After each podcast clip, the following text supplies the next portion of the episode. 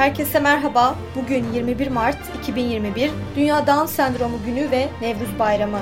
Hazırsanız Türkiye ve dünya tarihinde bugün de neler yaşanmış gelin hep birlikte göz atalım.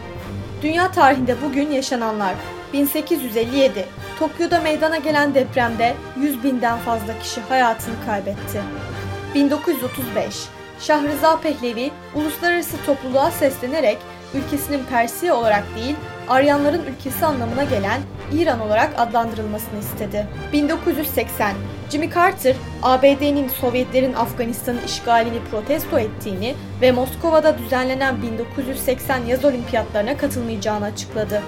1990 Moğolistan'da çok partili siyasi hayata geçildi.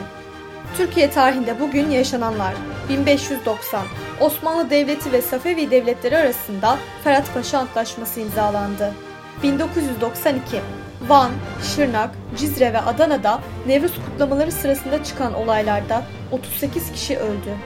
Bugün doğanlar 1522 Osmanlı Sultanı Mihrimah Sultan dünyaya geldi. 1870 Türk şair ve yazar Cenap Şahabettin doğdu.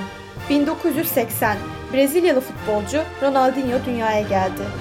Bugün ölenler 1942 Türk şair ve oyun yazarı Hüseyin Suat Yalçın vefat etti. 1973 Türk halk ozanı Aşık Veysel hayatını kaybetti. Bugünkü bültenimizi de burada sonlandırıyoruz. Programımızda tarihte gerçekleşen önemli olayları ele aldık. Yarın da tarihte neler olduğunu merak ediyorsanız bizi dinlemeyi unutmayın. Yarın görüşmek üzere.